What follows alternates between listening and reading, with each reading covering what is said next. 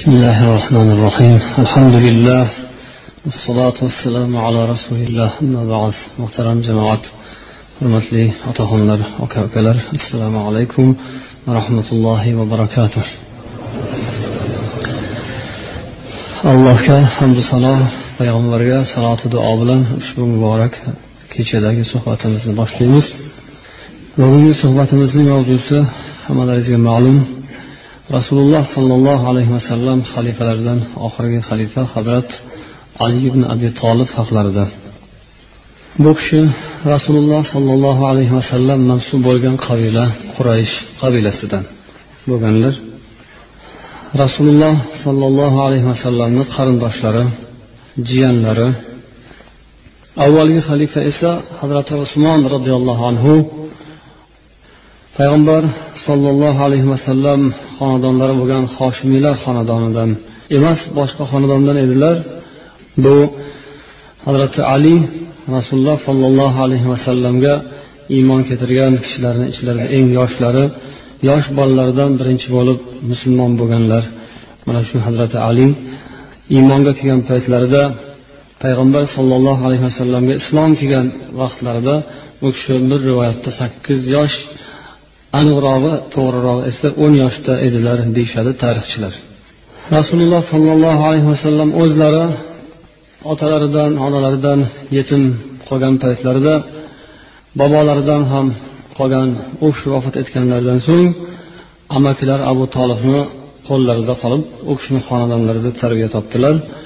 Oradan vaqtlar o'tib payg'ambar sollallohu alayhi vasallam o'zlarini o'zlari eplaydigan holatga yetganlarida o'zlari mustaqil hayot turmush kechira boshlaganlaridan keyin o'zlariga bo'lgan yaxshilikka javoban ya'ni yoshliklarida yaxshilik qilgan odam abu tolibga bu kishini ham bir ulug' yaxshiliklari bo'ldiki. Farzandlari abu tolibni o'g'illari hazrati alini bu kishi o'zlari tarbiyalariga olib o'zlarini uylariga olib ketdilar. Hazrati ali rasululloh sollallohu alayhi vasallam bilan birga hayot kechirdilar. Islomni o'sha eng avvalgi vahiylaridan bu kishi bahramand bo'ldilar. Go'daklik chog'laridayoq yosh bolalik paytlaridayoq bu kishi o'sha yoshlik vaqtlaridan boshlab payg'ambar alayhissalotu vassalomni tarbiyalarini olishga muyassar bo'lganlar boshqalar yoshliklari umrlarini ancha qismi johiliyatda o'tgan bo'lsada hazrati ali esa alloh bu kishiga shunday baxt ato qildi. O'sha yoshliklaridanoq islom tarbiyasiga musharraf bo'ldilar. Bunga allohning irodasi shunday bo'ldi. O'zlariga ham alloh taolo tomonidan ato qilingan hislatlari fazilatlari hammaga ibrat bo'larlik edi. U kishi ko'rinishlari gavdalari baquvvat o'zlari yoshliklaridanoq bunday mustahkam qaddi qomatli bo'ylari biroz kichikroq bo'lsa ham lokin o'zlari kelishgan keyinchalik islom pahlavonlari qatorida zikr qilinib bahodirliklari jasur dovyurak kishi ekanliklari bilan ham hammaga hatto dushmanlarga ham islom dushmanlariga ham bu kishini ovozalari tarqagan hazrati alini eshitishsa dushmanlar dovdirab qaltirab qo'rqib qolishar edi. Shu bilan bir qatorda nafaqat u kishi moddiy jismoniy baquvvat balkim hali eslaganimizdek dovyurak yoshliklardanoq dovyurak bola bo'lib o'sgan edilar. Bunga misol qilib hazrati payg'ambar sollallohu alayhi vasallam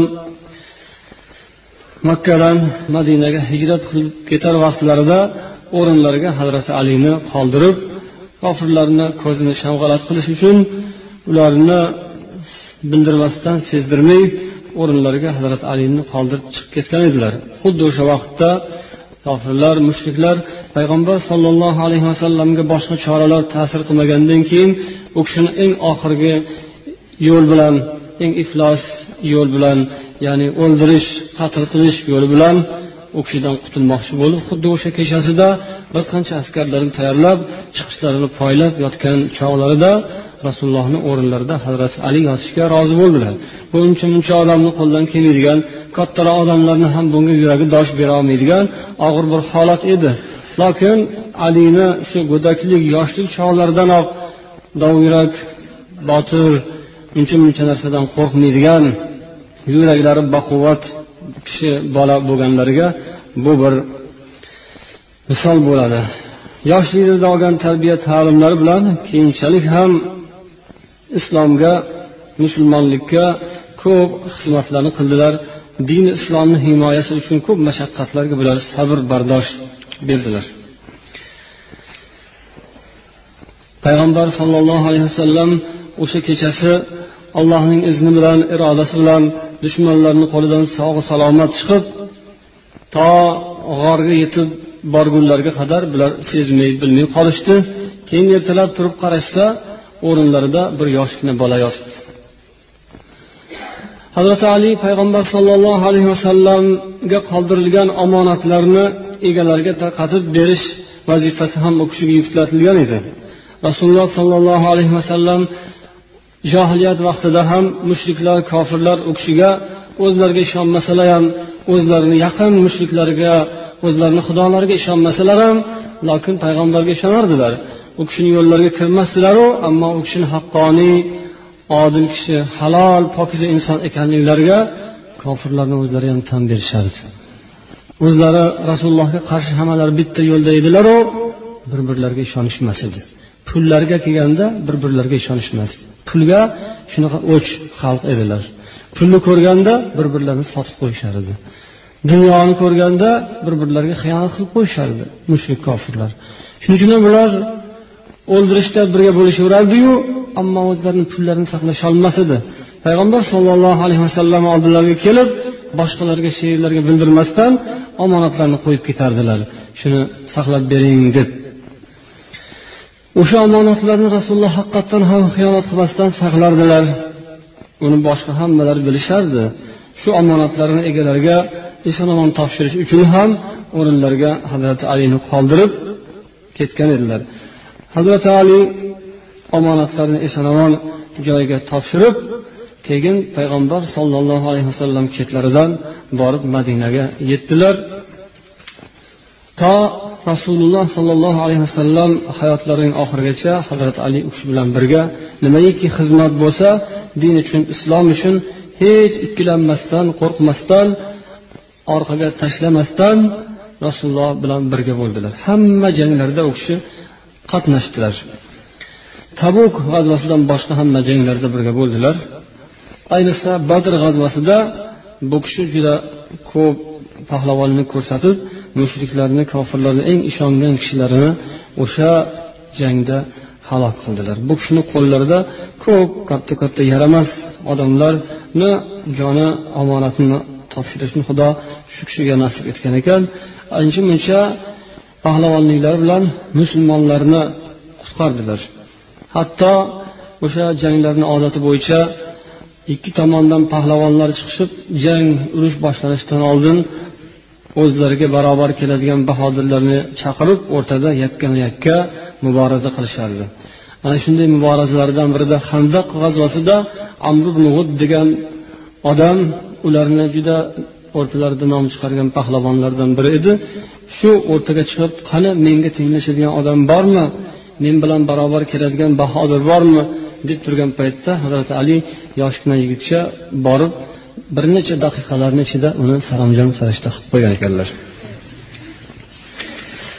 Payg'ambar sollallohu alayhi vasallam qizlari hazrati fotima roziyallohu anho onamizni bu kishiga turmushga berganlar.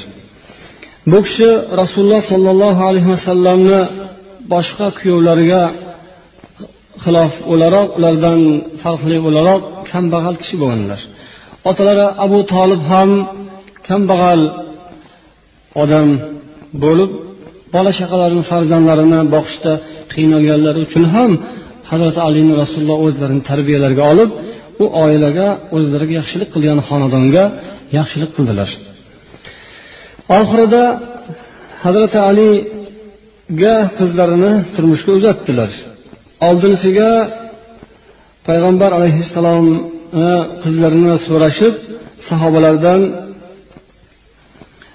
bir qanchalari aytishlariga qaraganda abu bakr siddiq roziyallohu anhu va umar ibn hattob har ikkovlari rasulullohga kuyov bo'lishni orzu qilishardi.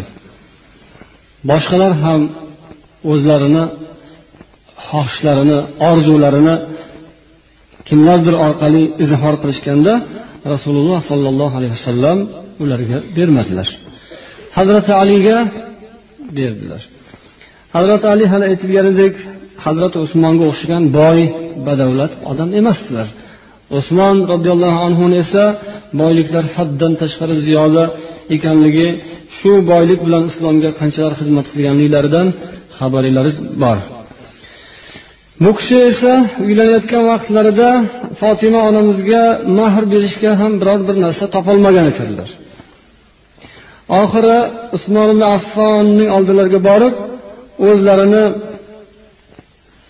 sovutlarini u kishiga omonatga garovga qo'yib to'rt yuz dirham olgan ekanlar. Uylanishlar uchun to'y uchun fotima onamizga mahr uchun. Keyinchalik hazrati usmon buni sezib qoldilar. Ya'ni olgan pullari shu to'y uchun. Rasululloh sollallohu alayhi vasallam qizlari fotima onamizga uylanishlari uchun va u kishiga mahr uchun olganlarini bilganlaridan so'ng hali olgan narsalarini qaytarib berdilar va uni olloh yo'lida hadya deb e'lon qildilar. Chunki u kishi birdan bir narsalar o'sha sovut qalqonlari edi hazrati alini. Bor boyliklari shu edi. Unaqa molparast dunyoparast odam emasdilar hamma narsani pulga chaqadigan.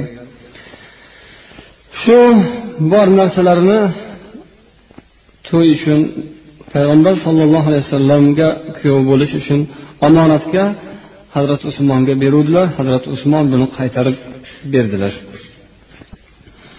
Hazrati fotima onamiz ham boshqa singillarga opalarga o'xshab boy badavlat xonadoniga emas bir faqir kambag'algina xonadonga kelin bo'ldilar.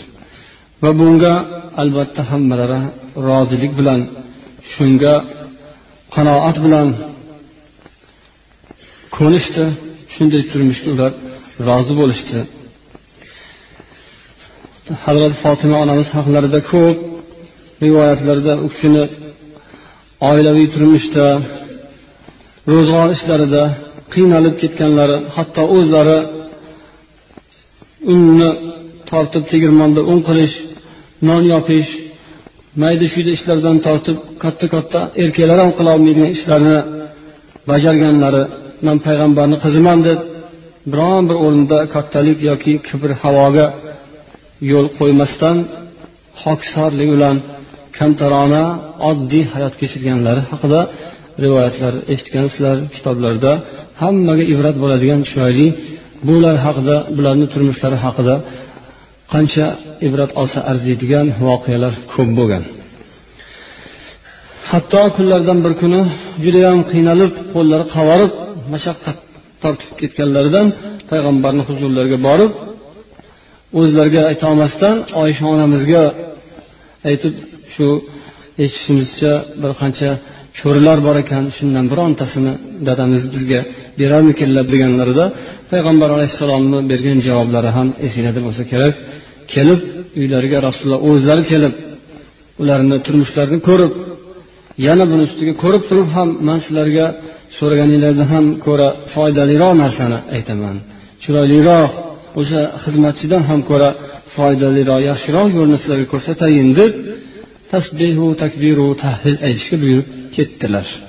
O'ttiz uch martadan subhanalloh alhamdulillah allohu akbarni aytsanglar shu so'raganinglardan ko'ra foydaliroq deb o'zlari eng suygan qizlariga eng yaxshi ko'rgan farzandlariga ko'rsatgan yo'llari shu bo'ldi. Eng yaxshi ko'rgan sahobiylarga men sendan sen esa mendan deb rasululloh hazrati aliga shunaqa yuqori baho beruvdilar.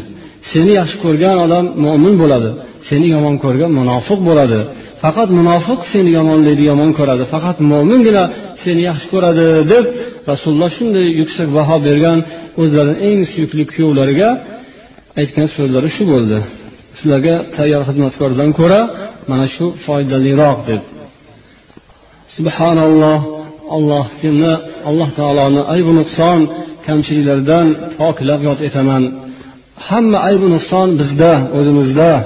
Ollohdan emas o'zimizdan kamchilik nuqson. Olloh esa pokiza zot. Demak qiyinchilik mashaqqat bo'lsa allohdan madad so'rab aybi nuqsonni inson o'zidan qilib allohga yalinib o'zi bardam bo'lib hayot kechirishi kerakligi chiqadi.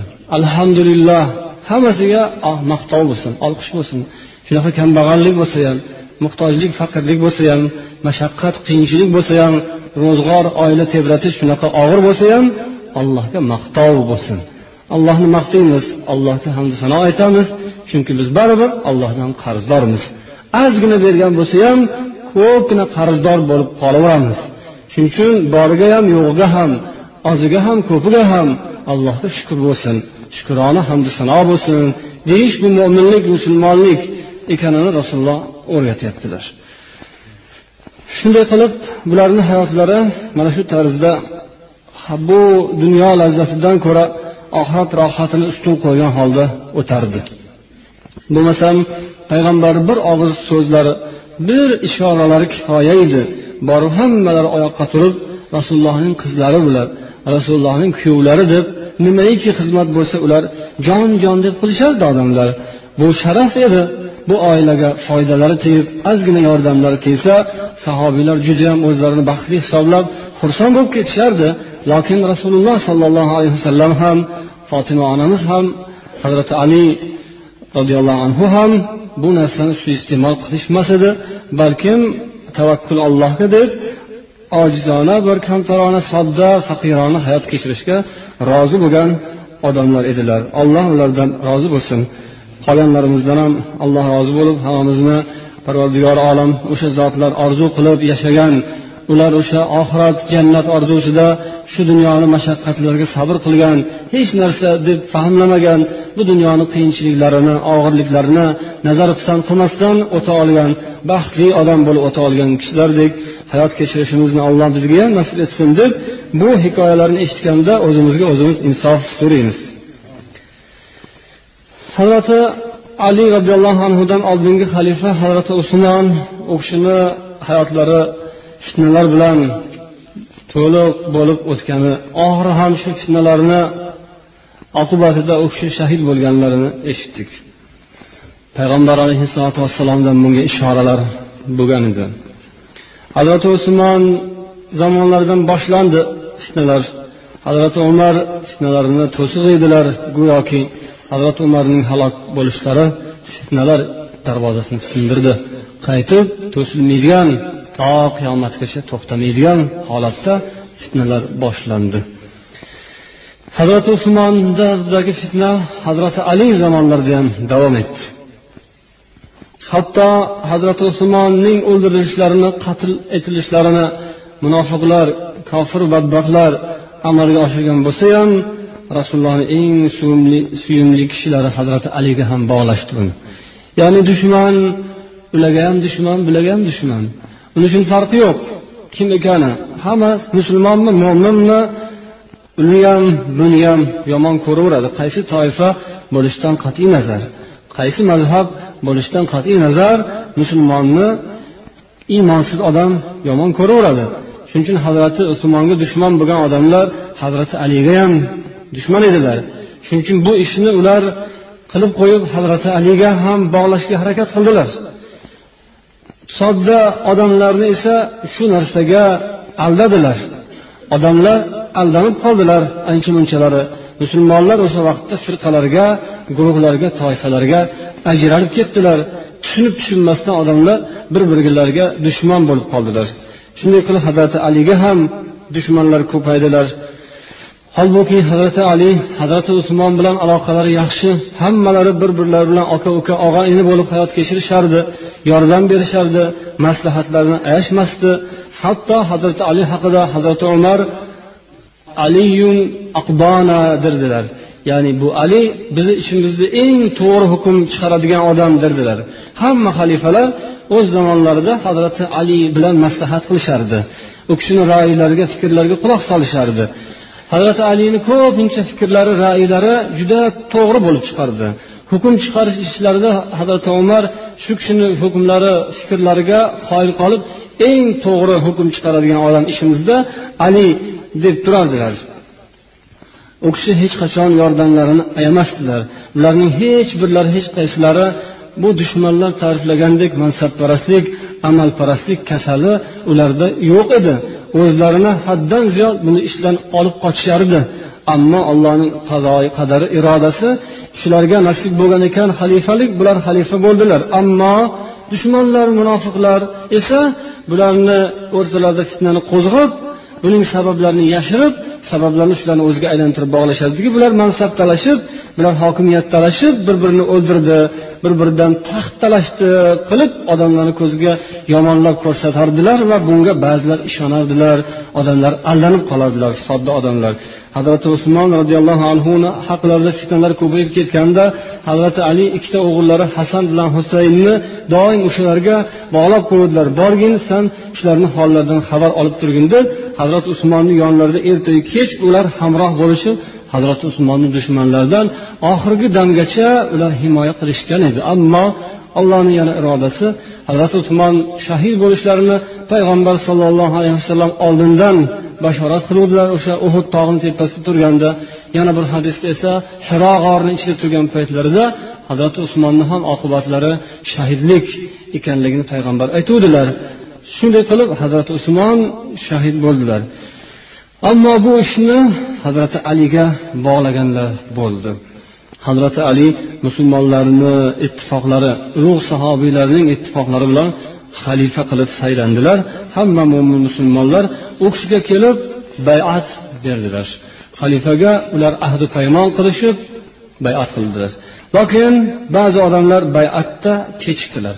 Hazrati ali xalifa bo'lganlaridan keyin avvalgi vaqtda bo'lgan voliylarni bir qanchasini ishdan bo'shatdilar.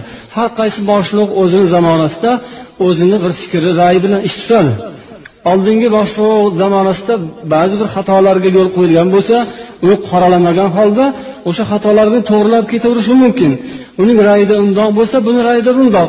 Ra'ylar fikrlar xilma xilligi bu tabiiy narsa. Bu iymon e'tiqodli tushungan odamlar bo'lsa bundan hech qachon hech qanday janjal yoki nizo chiqarmaydilar. Dili qora niyati buzuq odamlar esa yo'q joydan janjalni bor qiladilar fitna qo'zg'aydilar ammo tabiiy holatda har kimni ba'zi bir masalada fikri har xil bo'lishi mumkin. O'sha oldingi xalifalik davridagi bo'lgan ishlarni biroz bu kishi o'zgartirdilar. Hazrati usmon davrlarida hazrati usmonni rahmdilliklari yumshoq tabiatliklarini aytib o'tuvdik shu jihatdanmi musulmonlarni diyorlari kengaygan va ba'zi bir o'rinlarda ba'zi bir sahobalarni tanqidlarga sabab bo'lgan ishlar ham yuzaga keldi.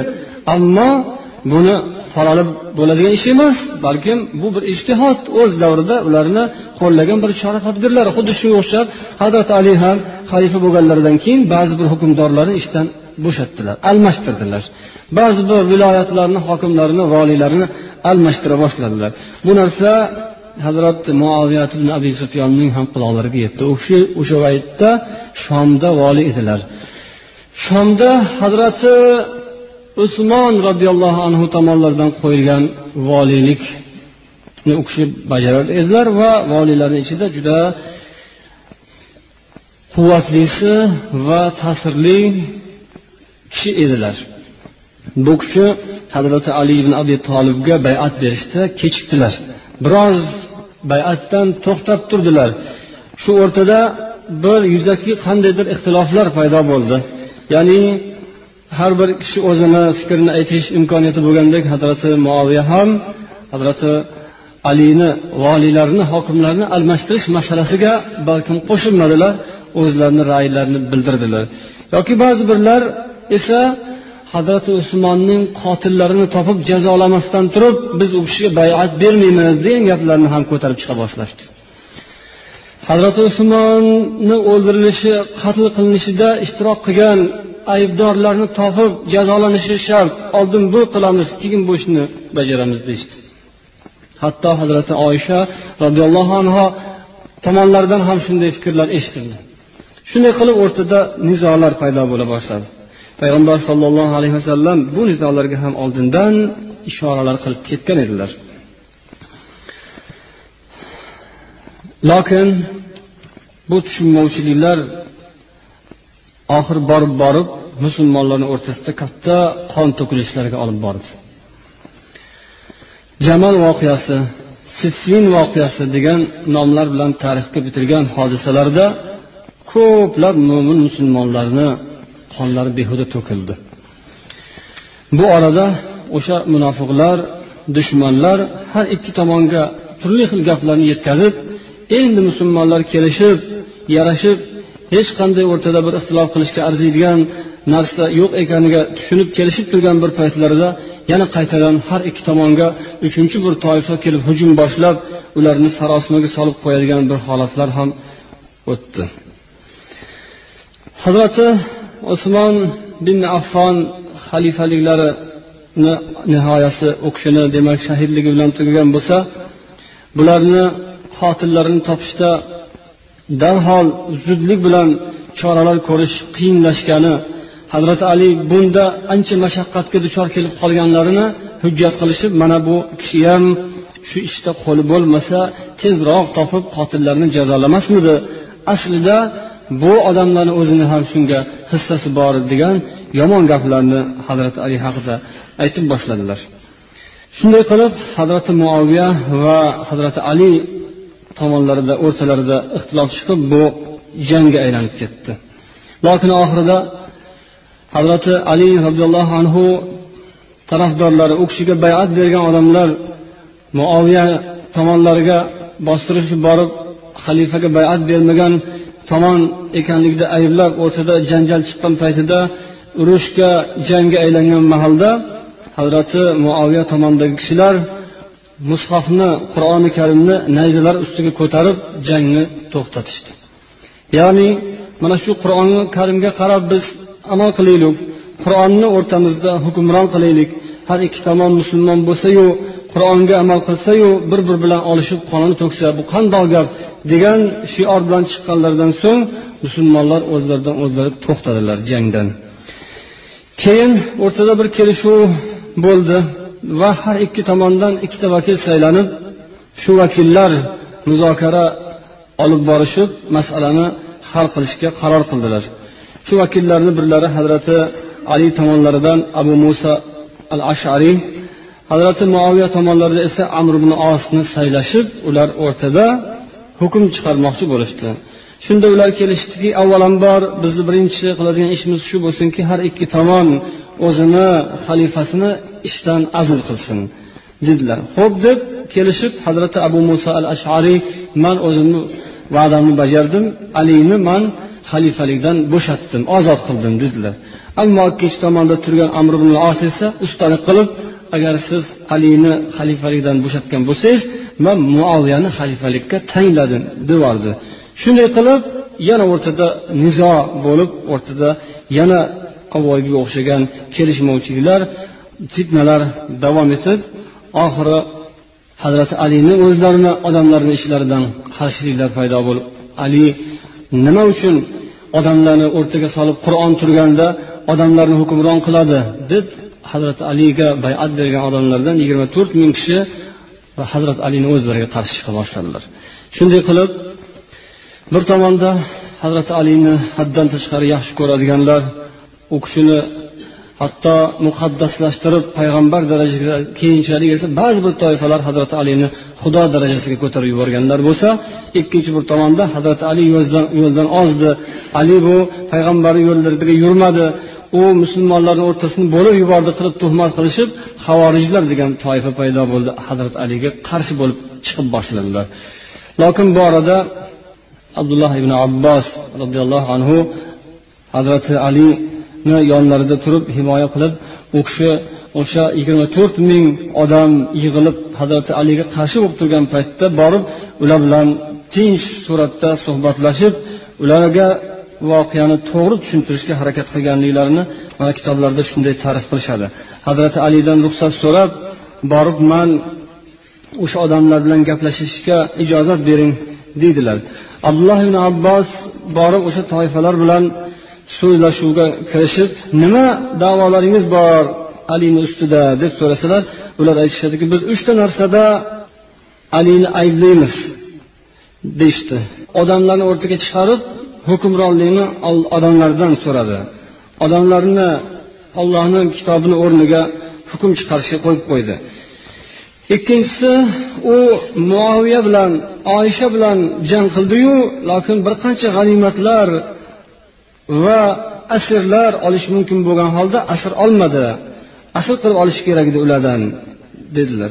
Uchinchi aybi shuki amirul mo'minin deb biz uni aytadiku lokin u o'zidan amirul mo'minlik libosini yechdi.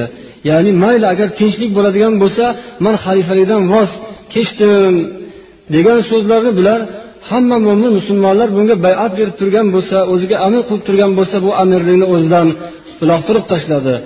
bu demak ollohni hukmini rad etgan odam. Shuning uchun biz bunga itoat qilmaymiz biz bunga qarshi urushamiz deb qolishdilar.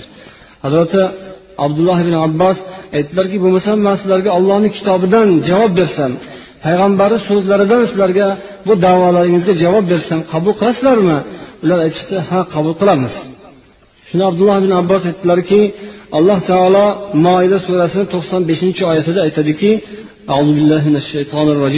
يا أيها الذين آمنوا لا تقتلوا الصيد وأنتم حرم ومن قتله منكم متعمدا فجزاء مثل ما قتل من النعم يحكم به ذوى عدل منكم.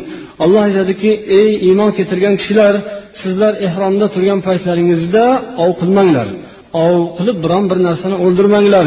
Haj qilib ehrom qilib turgan bo'lsalaringiz kimki sizlarni ishlaringizdan ehromda turgan holida atayin biron bir narsani o'ldirib ov qilib qo'ysa unga to'lov to'laydi jazo to'laydi. Va buni sizlarga tafsilotlarini ishlaringizdan adolatli ikkita odam hal qilib beradi degan qur'onda. Demak ichinglardan ikkita adolatli odam shu masalani hal qilib bersin sizlarga deb qur'onda aytibdi.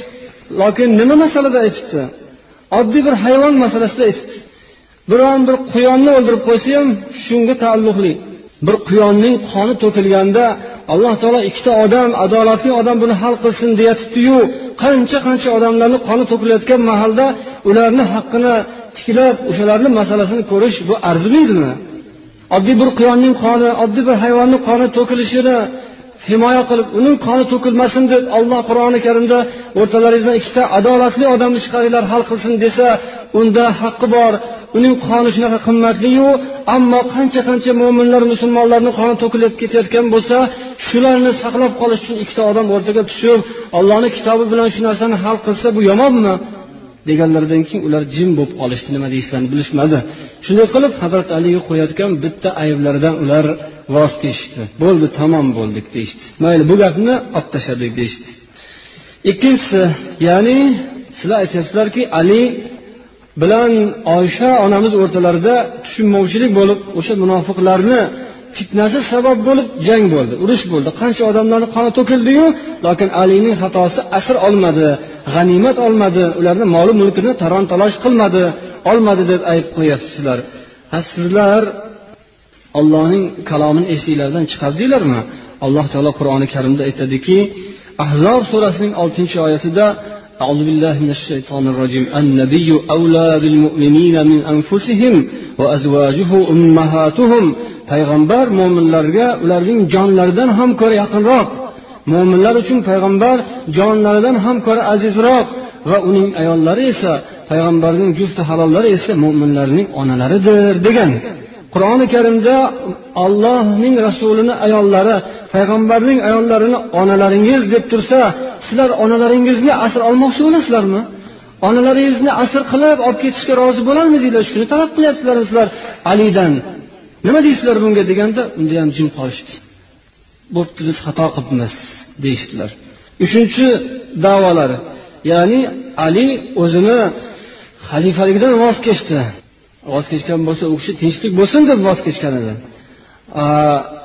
Sizlar buni unga ayb qilib qo'yasizlar. Holbuki rasululloh sollallohu alayhi vasallam hudaybiya sulhida mushriklar bilan tinchlik shartnomasini imzolayotgan paytlarida o'sha shartnomaga birinchi bu tomondan ya'ni muhammad sollallohu alayhi vasallam o'zlarini nomlarini hada ma alayhi muhammadun rasulullohi va qurayshun deb yozdirgan edilar. Ya'ni mana bu allohning rasuli muhammad va makka ahlining kelishgan shartnomasi deb tepasiga sarlavha yozmoqchi bo'luvdilar. Shunda mushriklar makkaliklar aytishdiki ey bu rasululloh deganing nimasi? Biz agar sani rasululloh ekaningga tan berganimizda seni rasululloh ekaningni biz tan olganimizda bu yerda sen bilan talashib o'tirmasdik. Kerak emas bizga rasululloh degan so'zingni qabul qilmaymiz deyishdi. Ha desa deyishsa ular abdulloh deb yozgin hada alayhi abdulloh e, muhammad ibn abdulloh deb yoz seni shu muhammad ibn abdulloh deb taniymiz. Rasululloh deb tanimaymiz abdullohning o'g'li muhammadsan biz uchun. Rasululloh emassan. Agar rasululloh bo'lganingda biz bu yerda talashmasdik deyishganda rasululloh nima dedilar shunda? Xo'p deb rozi bo'lib u kishi shuni o'chirishga buyuruvdilar. Sahobalar o'chirgani qo'rqishdi unashmadi. Qanday qilib rasululloh degan so'zni o'chirib ustidan boshqa narsa yozamiz deganda rasululloh o'zlari qo'llar bilan o'chirdilar deyilgan. Keyin o'rniga muhammad ibn abdulloh deb yozdilar.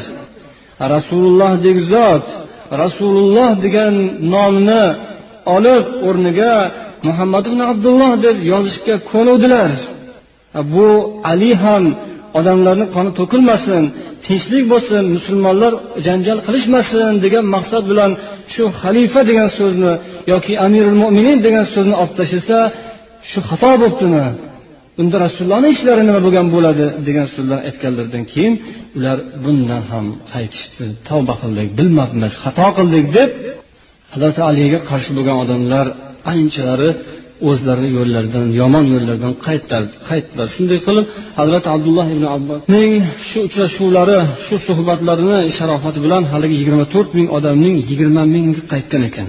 Yigirma mingi yana kelib hazrati alini yonlarida bo'lishdi. Ular uzr ma'zur qilishdi ammo to'rt ming odam o'sha gapida so'zida turib oldi. Ular hazrati aliga qarshiliklaricha qolishdi. Shunday qilib o'sha havorijlar degan toifa ahli sunna va jamoadan ajrab adashib ketgan adashgan toifalar o'sha vaqtdan boshlandi. Mana shunaqangi fitnalarga dosh berolmasdan mo'minlar musulmonlarni ichlarida firqalar turli xil hizblar jamoalar guruh guruhlar paydo bo'lib bir birlariga qarama qarshi bo'lib qoldilar. Ammo bu o'sha payg'ambar alayhissalom oldindan eslatgan edilarki kimki mendan keyin qolsa agar hayot kechirsa من يعش منكم فسيرى إنه ستكون فتن أو كما قال رسول الله يقنده ko'p fitnalar bo'ladi deb oldindan aytdilar va undan ogohlantirganlar.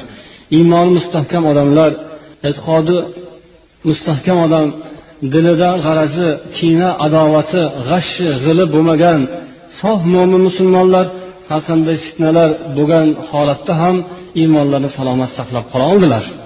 Ammo dillarida har xil narsalarning g'arazi bo'lgan mansabparast odamlar yoki islomni yomon ko'radigan odamlar esa mana shu fitnalarda turli xil yomon ishlarga qo'l urdilar va har xil toifalarga bo'linib adashib ketdilar. Hazrati oysha roziyallohu anhu onamizni ham ba'zi kishilar tezlab yuringda yuring siz bormasangiz bo'lmaydi siz aralashmasangiz ish to'xtamaydi tuzalmaydi qilib u kishini shu joyga yetaklab olib kelishgan ekan. Ammo u kishi yo'lda kela turib bir joyga kelganda avvalroq ham bir ma'ruzalarimizda aytib o'tgandik esinglarda bo'lsa itlarni tovushini hurganini eshitib qoladilarda va bu qanaqa joy deb so'raydilar. Ya'ni rasulullohni bir hadislari eslarida bor ekan. Ya'ni shu joyni nomini aytib payg'ambar o'sha joydagi itlar hurgan vaqtida sizlarni ahvollaringiz qanday bo'ladi deb tashvishdaman deb oldindan aytuvdilar. Shu joyga yetganda hazrati oysha onamiz bu joyni oti nima? deb so'radilar. Eshitganlaridan keyin joyni nomini aytganlaridan so'ng payg'ambarni hadislarini eslariga oldilarki rasululloh xuddi shu joyni menga aytuvdilar. Bo'ldi mana shu yerda to'xtaymiz. Shu yerdan ketamiz qaytib ketamiz. Bu yog'ida yomonlik bo'ladi deganga o'xshaydi. Buyog'i bir xunuk holat ro'y beradiganga o'xshaydi bo'ldi shu yerdan qaytamiz deb u kishi to'xtab turib olganlarida atrofidagi kishilar endi shu yergacha keldingiz. Shuncha joyni necha yuz chaqirim joyni bosib keldingiz. Buyog'i ozgina qoldi. Siz borsangiz jang to'xtaydi janjal to'xtaydi. Siz borsangiz nizo bartaraf bo'ladi. Hammasi joyiga tushib ketadi. qilib u kishini qo'yardi qo'ymasdan majburlab holjonlarga qo'ymay yuringchi yuring qilib olib borishadi. Shunday qilib u kishini atrofida o'zidan o'zi askar to'planib qoladi. Shunday qilib zohirdan ko'rinishdan alining askarlari bir tomondayu oyshaning askarlari bir tomonda bo'lib o'rtada esa avvaliga borib kelishuv qaralsa unaqa bir talashadigan narsani o'zi yo'q. Hammalari rozi ya'ni hazrati alini ustidagi tuhmatlar hammasi yolg'on. U kishi ham o'sha hazrati usmonni eng yaxshi ko'radigan odamlari qotillarni topish taraddudida bu narsalarni eshitib hammalari kelishuv bo'lib orqalariga qaytib hech gap yo'q ekanligi ma'lum bo'lib endi askarlar ertalab tong saharlab yo'lga tushmoqchi bo'lib turgan mahalda bu ittifoq bu kelishuvni sezib qolib munofiqlar va mushriklar kofirlar qarashsa rosa pishib turibdi o'zi. Musulmonlar shunday bitta gugurt chaqib yuborsa bo'ldi yonib ketadigan holatga kelib turibdi. Bunaqa holat qaytib bo'lmaydi. Bunday qilib bunday necha ming boshliq askarlarni olib kelib bir biriga ro'baro qilish bu oson emas. Agar hozir shular shu yerda yarash yarash bo'lib kelishuv bo'lib bir birini tushunib qaytib ketib qoladigan bo'lsa qaytib bunaqangi fursat qaytib qo'lga kelmasligini bilganlari uchun ular yarim kechada bir guruhni tuzib ikki tomonga barobardan o'q ota boshlaydilar. Bu yoqda hazrati alini tarafdorlari u yoqda esa hazrati oysha bilan birga kelgan qurollangan odamlar nima bo'layotganiga tushunmasdan xuddi bir birlarini aldaganday ular his qildilar. Demak ular bizni aldabdi. Yolg'ondan kelishdi kelishdi deb demak bizni o'ldirib tashlamoqchi ekan. Bu tomondagilar ham iye bizni uxlatib qo'yib kechasi uyqumizda qirib tashlamoqchi ekan bular deb hali nima bo'layotibdi deb so'roq surishtirishga ham fursat bo'lmay hamma o'zini quroliga yopishgan hamma o'zini qilichiga chopgan shunday qilib kim kimni o'ldiryotibdi bilmasdan o'rtada qancha qancha odamlarni qoni bekordan bekorga behudaga to'kilib ketgan. Hatto hazrati oysha onamiz turgan tuya tuyani ustida bir havdaj ya'ni chodir tuyaga o'rnatilgan chodir o'shanga qarab o'qlar yog'ila boshladi. Kim otayotibdi hech kim bilmaydi. Bu chodirda hazrati oysha onamiz musulmonlarning onalari alloh qur'oni karimda onalaringiz degan ayolni chodirga o'qlar otilib butun atrofi nayzalar bilan to'lib qoldi. Oxirida o'sha turgan ustida chodirasi ustida o'sha havdaji kajavasi turgan tuyani oyog'ini qirqishga majbur bo'lishdi. Oyog'ini qirqib tuyani cho'ktirilib shunday qilib u kishini zo'rg'a saqlab qoldilar. Lokin bu ishlarning hammasi shu musulmonlarning dushmanlari bo'lgan fitnachilar islom dushmanlari rasululloh sollallohu alayhi vasallamda ovozlarini chiqarishga qo'rqqan o'zlarini bildirishga qo'rqqan kishilar payg'ambar vafotlaridan keyin mana bularni demak boshi ketdi. Bularni kattasi yo'q bo'ldi. Abu bakr umarlar hammasi ketdi deb buyog'iga o'sha hazrati usmonni rahmdilliklaridan yumshoq tabiatli kishi ekanliklaridan foydalanib fitnalarni qo'zg'atib hazrati alini zamonlarida ham buni tinchitmasdan musulmonlikni yenchib tashlashga bor kuchlari bilan jon jihatlar bilan urindilar. Lokin ular ham niyatiga yarasha ancha muncha qora ishlarni qildilaru. Allohning qudrati allohning va'dasi o'zi bu din salomat saqlanishi. Har qancha yomon niyatli odamlar hujum qilsa ham bu haqiqat. To qiyomatgacha yetib borishi va'da qilingan ish edi. Bu alhamdulillah kim shuncha og'ir kunlarni o'tkazib mana islom davom etib kelyapti bundan keyin ham to qiyomatga qadar davom etadigan din. Ammo hali yuqorida aytilgandek fitnalar eshigi ochiq. Hazrati umar zamonlarida ochilgan. Bu esa mo'minlarni ehtiyotkorlikka hushyorlikka chaqiradiki o'zlariga ehtiyot bo'lib bir birlarini o'rtalarida bo'ladigan gap so'zlarga darrov qizishib ketmasdan har xil noo'rin gaplarni eshitib qolganda darrov g'azab otiga minmasdan sabr qilib uni tekshirib o'rganib tagiga yetib astalik bilan ohistalik bilan sabr toqat bardosh va aql farosat bilan ish olib borishlari kerak ekanligiga bu voqealar ishora bo'ladi.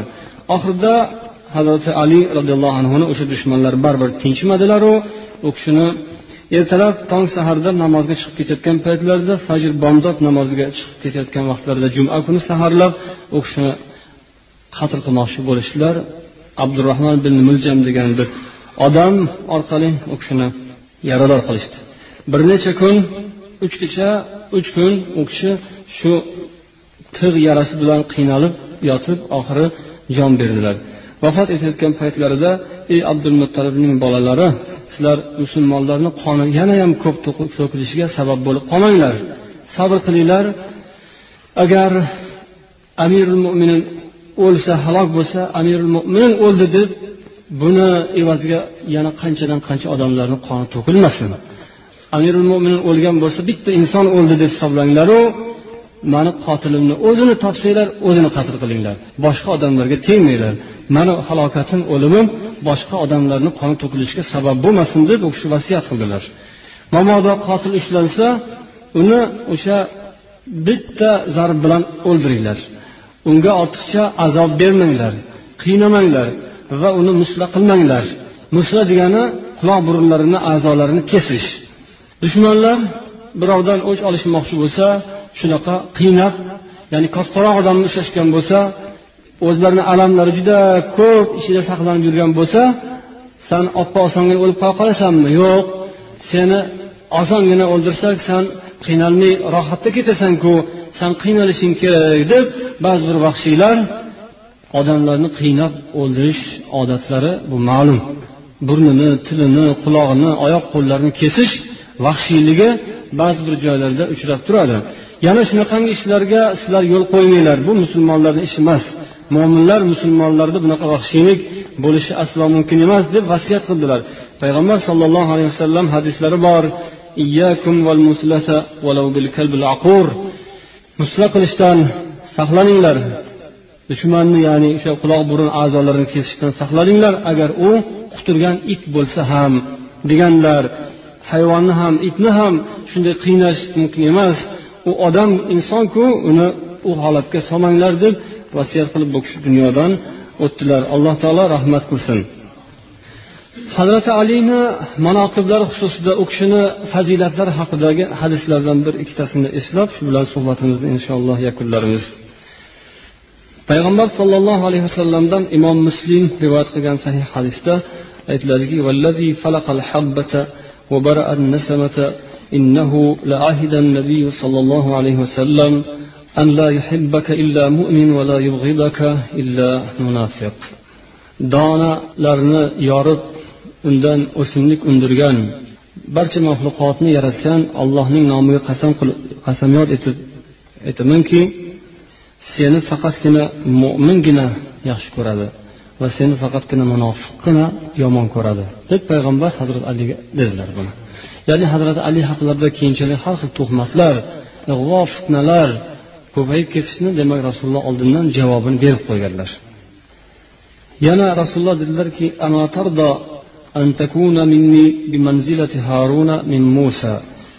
sen mening yonimda musoning yonida horun bo'lgandek maqomda bo'lishga rozimisan degan hadislarini imom buxoriy rivoyat qiladilar.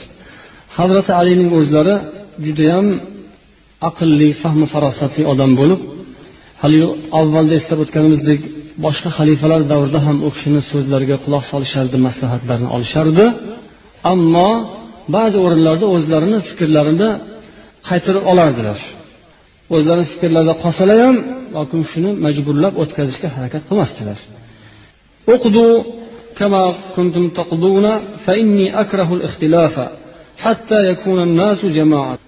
sizlar o'zinglar avval nima hukm qilayotgan bo'lsanglar qilmanglar. Mana aytganim bilan bo'lib mana atrofimga odamlar yig'ilib qolmasin. Ya'ni hazrat umarni tomonida bir guruh odamlaru mani tomonimda bir guruh odamlar bo'lib qolishini man xohlamayman. Shuning uchun sizlar nima hukm chiqarayotgan bo'lsanglar o'sha hukminglar bilan bo'linglar. Man o'shanga roziman. Lokin men o'zimni fikrimda qolaman. Lokin shundoq bo'lsa ham atrofimda odam yig'ilishini hech ham xohlamayman.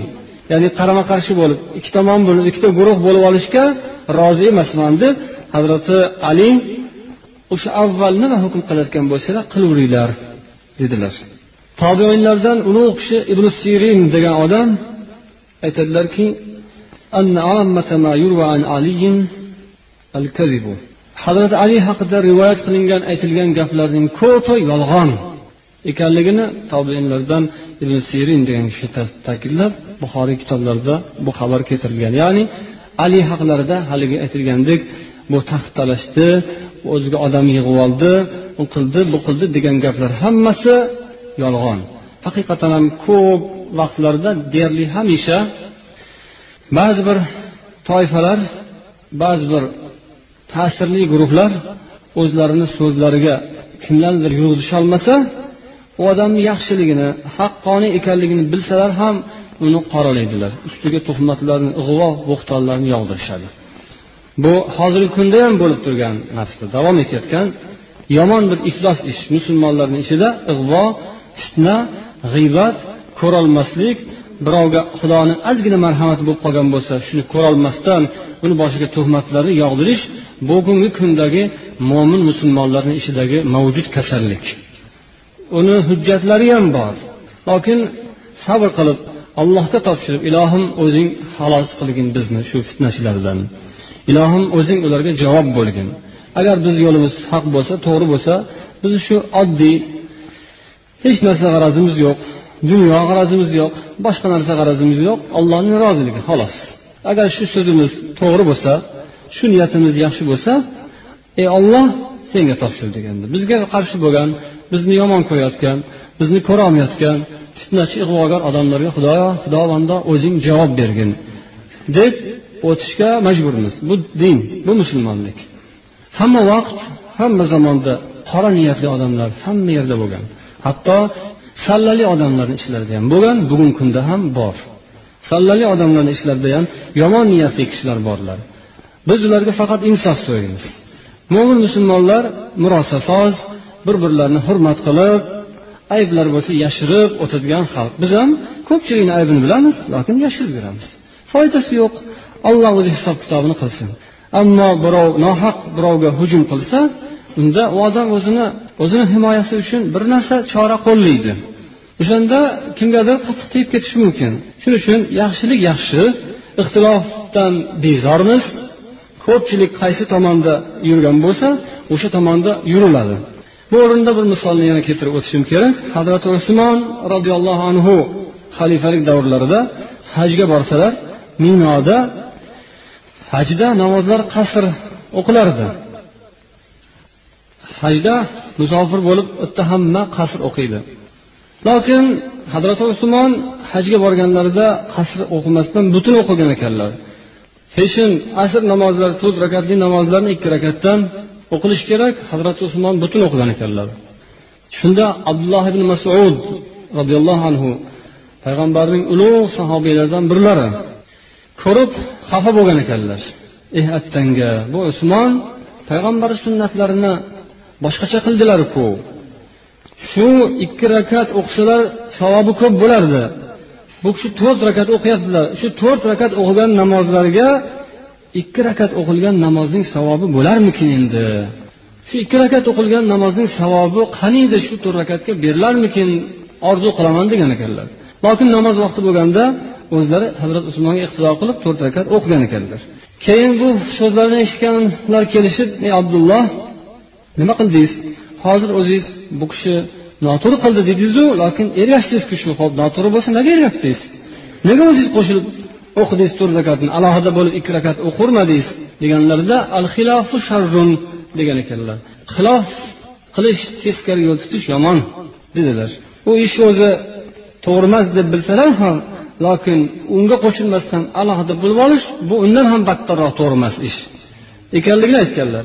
Shuning uchun joylarda ba'zi bir yerlarda kichkina aybu nuqson bilan ozgina xatoni pesh qilib ba'zilar alohida jamoat qilib olishga harakat qilishlari noto'g'ri narsa. Imom qanaqa bo'lsa ham fosiq bo'lsa ham fojir bo'lsa ham imomlarni fosiq fojirlari bor. Lokin shunaqa bo'lsa ham jamoat bo'linmasligi shart ekan. Sabr qilish kerak ekan.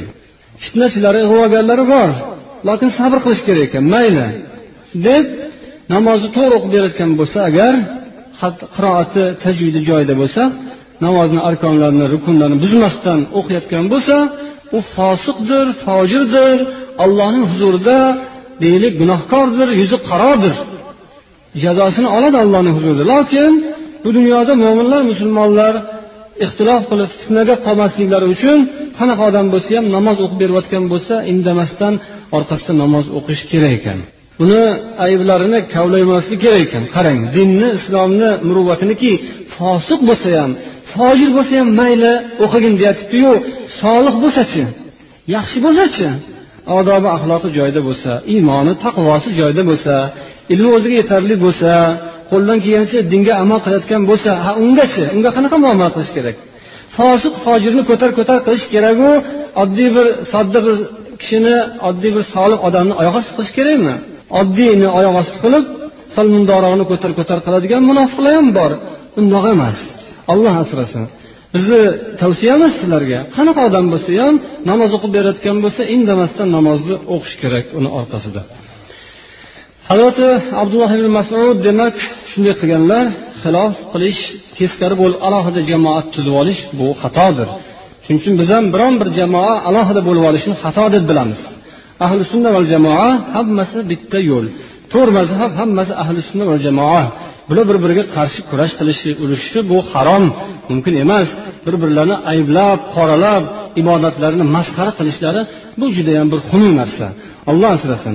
Tarixda o'tgan aqlli odamlar aqlli olimlar hammalari shunaqa chiroyli yo'l tutganlar. Mana misol uchun aytib o'tamiz rahmatli ziyoviddin qori akani bilasizlar shu diniy idorani bir necha yillar boshqargan muftiy bo'lib o'tgan alloh rahmat qilsin. U kishini ham yo'li shunaqa murosa yo'li hurmat ehtirom yo'li edi. O'sha vaqtda ham har ixtiloflar bo'lardi. Lokin bu odam birini ko'tarib birini yerga urganini hech eshitmaganmiz. Shuning uchun hamma u odamni yaxshi ko'rgan hurmat qilgan. O'shanaqa hamma tomonlama hurmati haqqini rioya qilib borib ollohni huzurida mukofotni har kim niyatiga yarasha olish kerak ekan. Shuning uchun ixtilof fitna bu mavjudligini payg'ambar aytib ogohlantirganlar. Fitnalar bo'lsa yugurib ketayotgan odam to'xtab olsin. Tik turgan odam bo'lsa o'tirib olsin. O'tirgan odam bo'lsa yonboshlab olsin. Ko'chada bo'lsa uyga kirib olsin deganlar. Fitnadan qochinglar aralashmanglar. Ig'vo fitnalarga deb ummatlarni saqlaganlar. Aralashmanglar aralashmanglar.